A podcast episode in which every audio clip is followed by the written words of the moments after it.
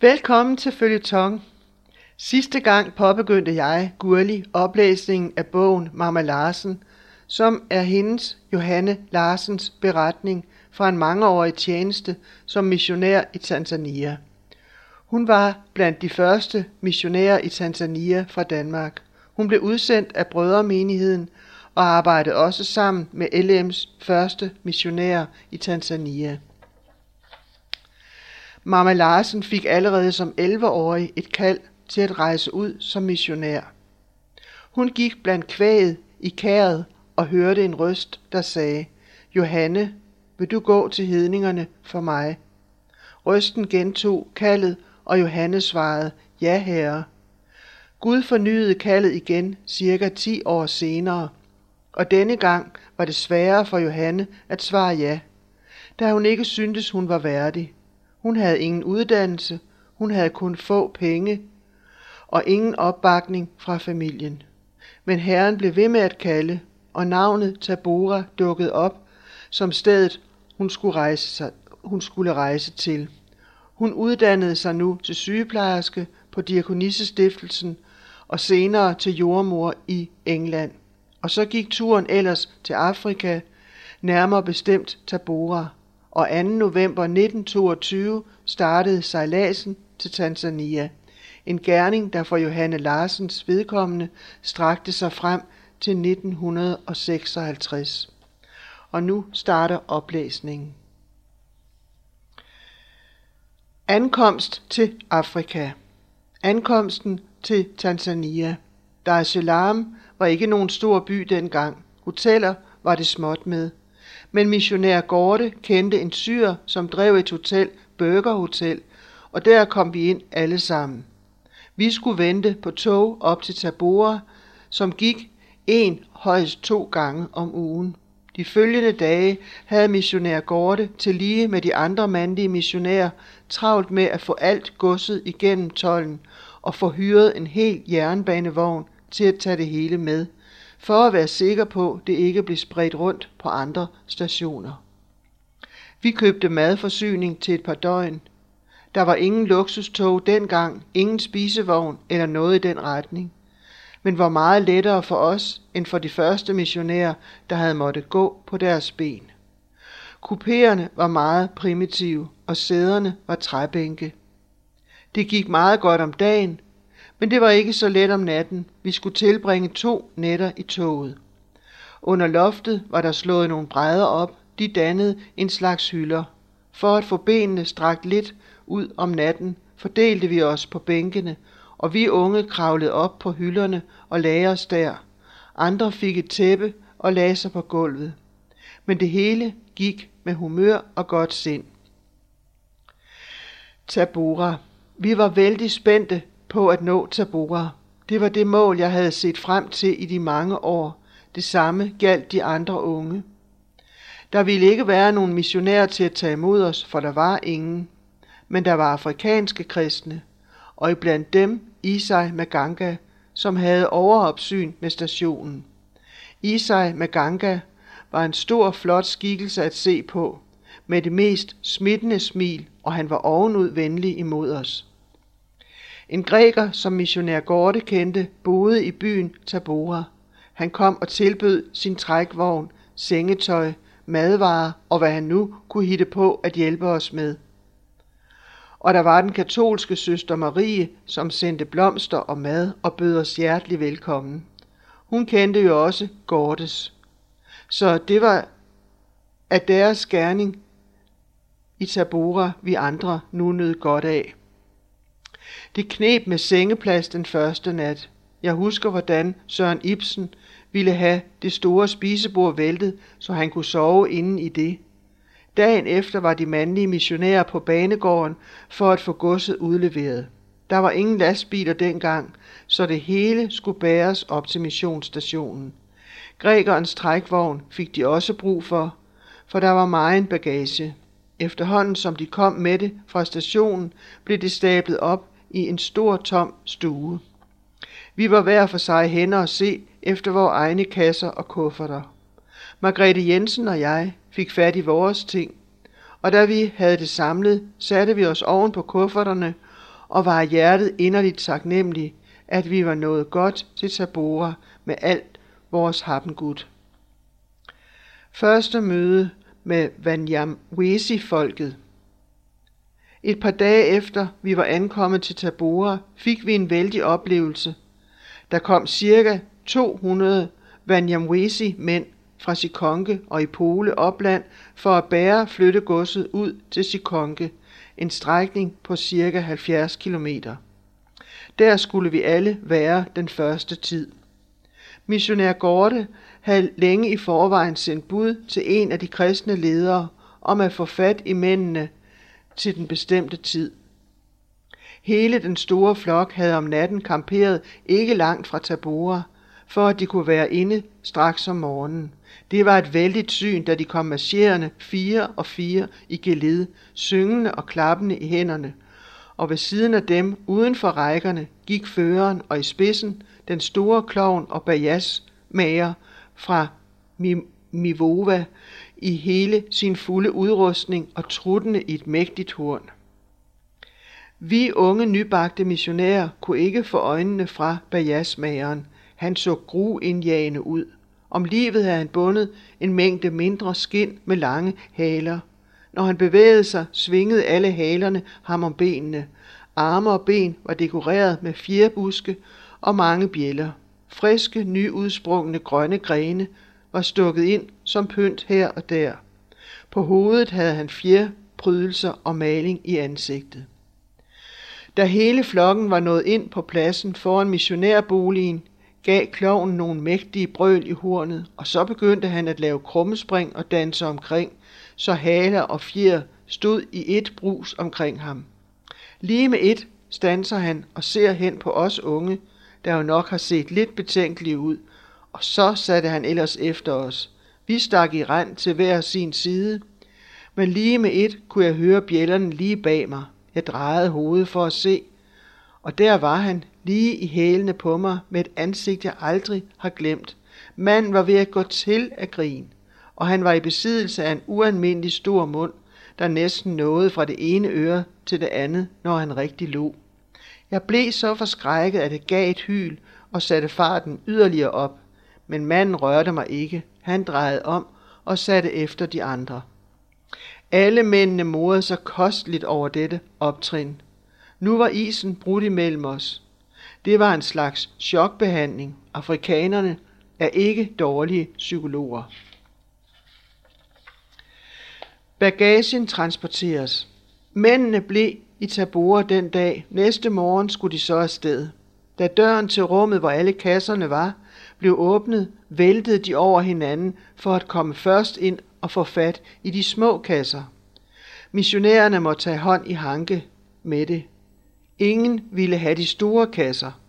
Nogle af kasserne skulle der to mænd til at bære, andre fire og enkelte seks. Alle kasserne var vejet og afpasset, så der var ingen, der fik over den reglementerede vægt for en mand 50-60 pund, for to op til 100 pund. Men de små kasser, som alle ville have, da de kom ind og så dem, blev de lidt skuffet over, for de troede, at de var de letteste. Det var de ikke, for de indeholdt skolemateriale, tavler, gifler, grifler og skolebøger, men ingen vejede mere, end de måtte. Det varede længe inden kasserne blev fordelt, og man blev enige om, hvem der skulle bære sammen, for de skulle være af omtrent samme højde. Så skulle de have alle deres egne sager bundne på kasserne, gryder, mel, sovemåtte, vand i en kalabas og hvad de nu havde med sig. Det blev snørret forsvarligt fast, og til sidst lavedes en bærekrans. Det var et stykke bomuldstøj, som de gjorde fast ved et eller andet, og så snodede og snodede de det og rullede det til sidst i en krans. Den blev lagt på hovedet og kassen anbragt ovenpå. Når de havde fået kassen placeret, rettede de sig op, gav nogle vældige brøl og så afsted med godt humør. Kloven var også kommet i sin mundering. Kilongosi føreren var overalt for at se efter, at det hele gik rigtigt til. Og han var den sidste sammen med missionærerne til at forlade pladsen. Forsangeren stemte i med en af rejsesangene, klovnen truttede i hornet, og under sang og håndklapning gik det ud af byen. Missionær Nielsen og Ibsen fulgte med på denne safari. Vi andre blev nogle dage i Tabora. Safarien overnattede to til tre nætter undervejs, og det kom an på, hvor tidligt man kom afsted den første morgen. Der fandtes dengang en krigslævning af en bil i Tabora. Den var meget havereret, men motoren var god nok, hvorimod den havde mange andre fejl. Blandt andet den, at baghjulene ikke ville sidde fast. Jeg husker ikke, hvem der ejede den, men missionær Gorte lejede den med en afrikansk fører til at køre os fem kvinder ud til Sikonke. Vi startede tidligt om morgenen fra Tabora, men det tog os det ganske meste af dagen at komme derud, fordi han måtte køre ganske langsomt. Eftersom det ene baghjul løb af nogle gange, og vejen var just heller ikke beregnet til nogen større fart. Da vi nåede Mukulu langt ud på eftermiddagen, begyndte afrikanske kvinder at komme os i møde med tunge triller og blomster i massevis. Og sådan blev det ved, til vi nåede Sikonke. Der havde været nogen på udkig, for da vi kom langt nede af alléen, begyndte kirkeklokken at ringe. Vi blev modtaget med varme håndtryk, smil og salmesang under kirkeklokkens ringning. Så var rejsens mål nået. Om aftenen efter, at vi havde spist sammen og sammen takket Gud for hans beskyttelse og bevarelse under den lange rejse, skulle vi til at pakke lidt ud for natten. Og jeg tror, at vi alle var fyldte af dette ønske, som Sinsendorf giver udtryk for i en af sine salmer. Kom, vi vil os bøje til frelserens ære, for han er vor ældste, og hans vil vi være. Tag frit af hans fylde, af noget i eje, og tjen ham så frejdigt og gå på hans veje. Så er vi kommet til et nyt kapitel med overskriften De første patienter. Arbejdets begyndelse. I Sekonke var der dengang to missionærboliger. Dem delte vi, så vi blev fire i hver. Husene havde i flere år siden krigen været ubeboet. De var just ikke tomme for hvide myrer og andet småkravl. Men faret var der, og de store myreture var skovlet ud. Margrethe Jensen og jeg fik et halvt hus at bebo sammen. Det var så godt, som det kunne være. Hvem havde drømt om at komme til at bo i sådanne store, solide huse? Vore kasser stod på verandaen, og vi skulle have fat i vores madrasser og sengetøj. Just som vi stod og arbejdede med det, kom der en stakkels mand op ad trappen og hen til os. Han var meget forpint, kunne vi se, og han holdt sin ene hånd under albuen på den anden arm. Den ene hånd var meget opsvulmet og betændt. Sengetøj måtte forløbe forblive, hvor det var. Nu galt det om at finde kassen, hvor vi havde vores instrumenter og vort forbindingsstof. Det gik med faktor og smil, men manden lod mig gøre, som jeg ville, og lidt efter gik han hjem med en lettet hånd, og med gentagende asante, asante. Det er tak, tak. Da jeg kom ind i huset, sad Margrethe på en stol og rystede af kulde og så elendig ud. Det var hendes første malaria, den samme sygdom, som gjorde det af med hende ni år senere. Hun kom i seng med varmedunk og fik alle de tæpper, vi havde pakket ud over sig. Vores senge stod ved siden af hinanden. Senere på aftenen gik jeg også i seng efter at have holdt andagt for os to. Da jeg havde ligget lidt, hørte jeg pludselig et stort klask på gulvet. Jeg sagde til Margrethe, hørte du det? Ja, svarede hun. Hvad kan det være? En slange eller hvad? Vi lå og ventede på et klask mere, men følte os godt beskyttet under vores myggenet. Under vores myggenet. Det var lidt uhyggeligt at skulle lægge sig til at sove og ikke vide, hvad der lå på gulvet ved siden af sengen. Så jeg tog mod til mig, stak en hånd ud, fik fat i en tændstik og tændte lygten. Med lidt rystende knæ kom jeg ud af sengen og begyndte at undersøge gulvet. Nede ved fodenden af min seng lå der en hale og vrikkede. Det var et firben, der var faldet ned fra loftet, og i faldet havde tabt halen.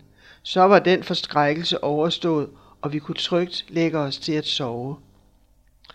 Sproglæsning Missionær Gorte underviste os nybegyndere i stammesproget, Kinyamwesi, fra nytår og hen til sidst i april måned. Derefter måtte vi klare os selv ved afrikansk hjælp. Vi havde gennemgået grammatikken og fået et indblik i sprogets opbygning og sammensætning. Ved siden af sproglæsning begyndte Margrethe og jeg så småt at hjælpe de syge, som kom til os. Vi fik et hus overladt, og der indrettede vi os. Vi delte arbejdet mellem os, eftersom evner og anlæg lå. Vi havde ikke meget medicin med ud, for vi vidste ikke, hvad vi skulle tage med. Dog, vi fandt en hel del medicin fra den tyske tid.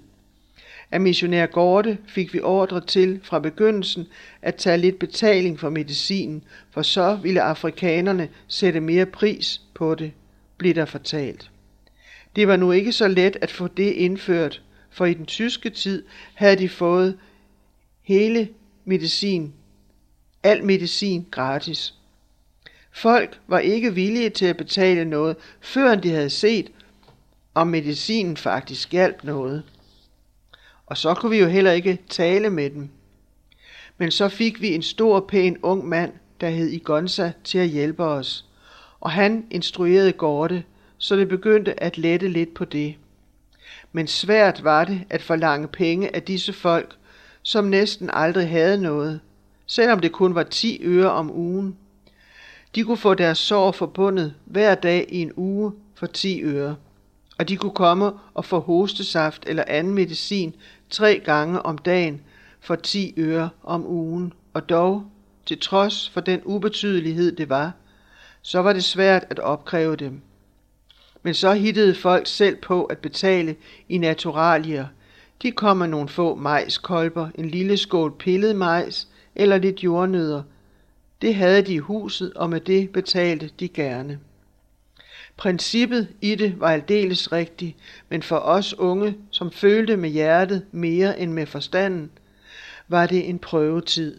Vi måtte dagligt lære lydighedens vej, men begge to gik vi den, selvom vi knurrede, når vi var os selv. Dette, at vi ikke måtte give dem noget, selv de syge stakler, der kom så godt som nøgne, rystende af kulde og feber, smertede os. Når vi så deres pjalter eller forrevne barktøj, der skiltes på dem, forsvandt den ene af os hjem og hentede noget tøj, som vi trak på dem. Vi havde fået en del gammelt linned med ud til hjælp til forbinding. Men der var hele stykker godt tøj imellem og det tog vi og trak på sådan en gammel syg mand, der skulle gå i flere timer for at nå hjem igen. Dog vi gjorde det til at begynde med, uden at ane, at det var forkert. Vi havde gjort indgreb i vort eget tøj, før vi blev stanset. Broder Gorte havde kontor midt mellem husene. Derfra kunne han se ned over vejen, som førte til polioklinikken. Der sad han og så nu og da, at nogle af patienterne kom i sådan nogle mærkelige klædningsstykker, og så skinnende hvide. Hvad kunne det være? Hvor fik det det fra? Sommetider så han en mand komme i et stykke dametøj. En dag kom der en sædel ned til os, om vi ville komme hen på kontoret, når vi var færdige. Vi anede ikke, hvad vores superintendent ville os, så vi kom nok så frimodige. Først fik vi en lang lektion i antropologi og afrikansk tankegang. Hvordan stammen var bundet sammen, familiens ansvar for det enkelte medlem af familien, og hvordan vi havde gjort forkert i at give dem tøj. Vi hørte på ham som vores foresatte og lærer og broder, men vi protesterede og sagde, at det var for hårdt for os ikke at måtte give et febersygt menneske lidt til at varme sig på. Missionær Gorte så på os to brugshoveder med sine kloge øjne, så sagde han, Hvad vil I forresten gøre? I har vel allerede givet det meste af jeres undertøj væk, og der er altså syv år til, at I kan komme hjem og få noget nyt. Vi gik lidt ærgerlige hjem, men indvendigt tror jeg nok, vi var glade over, at vi havde lavet, lavet vores hjerter løbe af med os. Vores halvtomme kufferter skænkede vi ikke mange tanker. Når jeg tænker tilbage på det første år og på den, den spænding, der kunne opstå mellem os unge og den mere modne missionær, så tænker jeg med stor taknemmelighed på missionærfamilien Gordes visdom og alsidige dygtighed. Missionær Gorte forsøgte at opdrage os unge ud fra den erfaring, han havde opnået, og som han havde forstået ville være den bedste for Afrikas folk i det lange løb. En oplevelse fra den første tid i Sikonke. Efter min dagbog den 10. april 1923. Mukamiti er navnet på en kvinde, som jeg i længere tid har behandlet for et dårligt øre. Efter at hun en tid var kommet til behandling, spurgte jeg hende en lørdag, om jeg kunne se, skulle se hende i kirken næste dag. Hun svarede, det kan da ikke nytte noget, for jeg kan ikke høre godt. Jeg blev ved hver lørdag, jeg blev ved hver lørdag at indbyde hende. En søndag morgen stillede hun sig uden for mit hus. Jeg troede først, det var blevet værre med øret.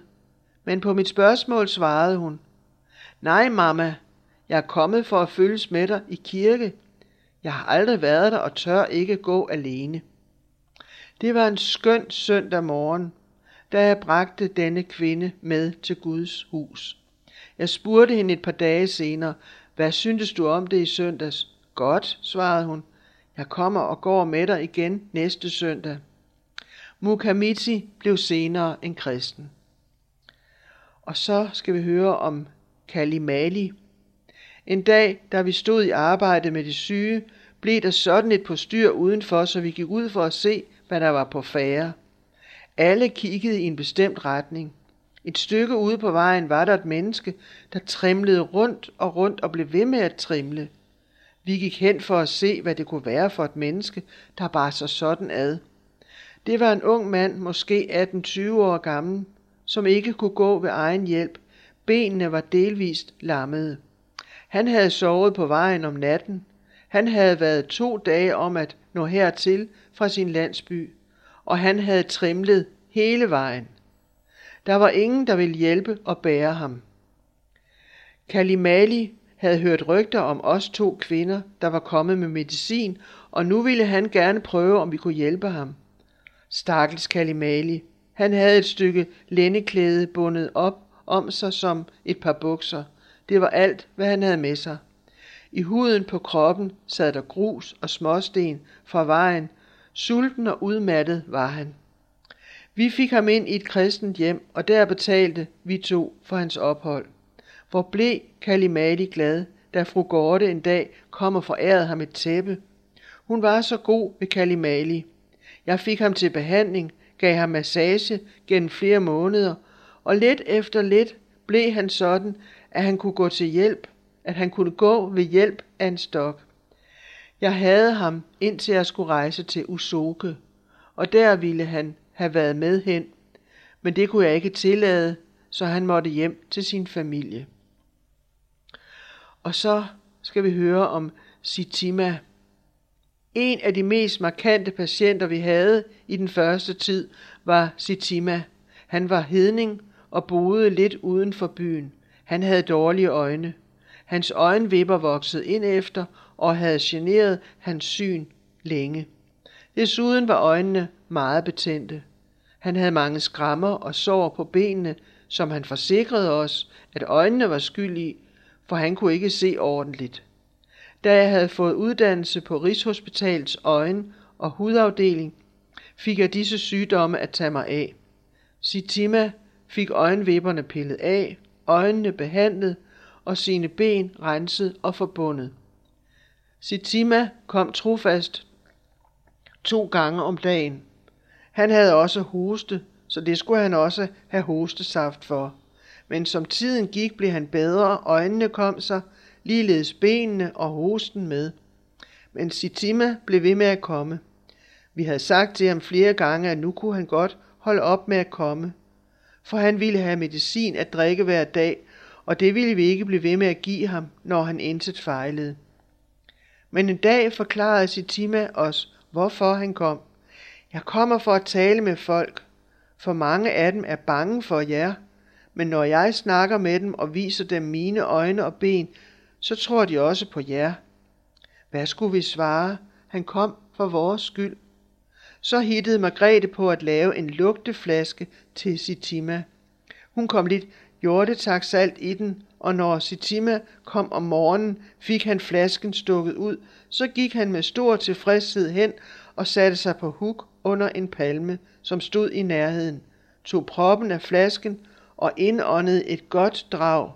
Og det fik ham til at nyse og fnyse og rømme sig, så det kunne høres langt bort. Folk strømmede til. Hvad er det for noget, du har i flasken, Sitima? Er det stærkt? Må vi prøve? Sitima stak dem flasken, og den gik fra mand til mand. Der stod de så med tårerne løbende ned af kinderne og vidste ikke, hvad de skulle tro. Sitima modede sig og sagde til dem, her kan I selv se, hvilken stærk medicin de to piger har.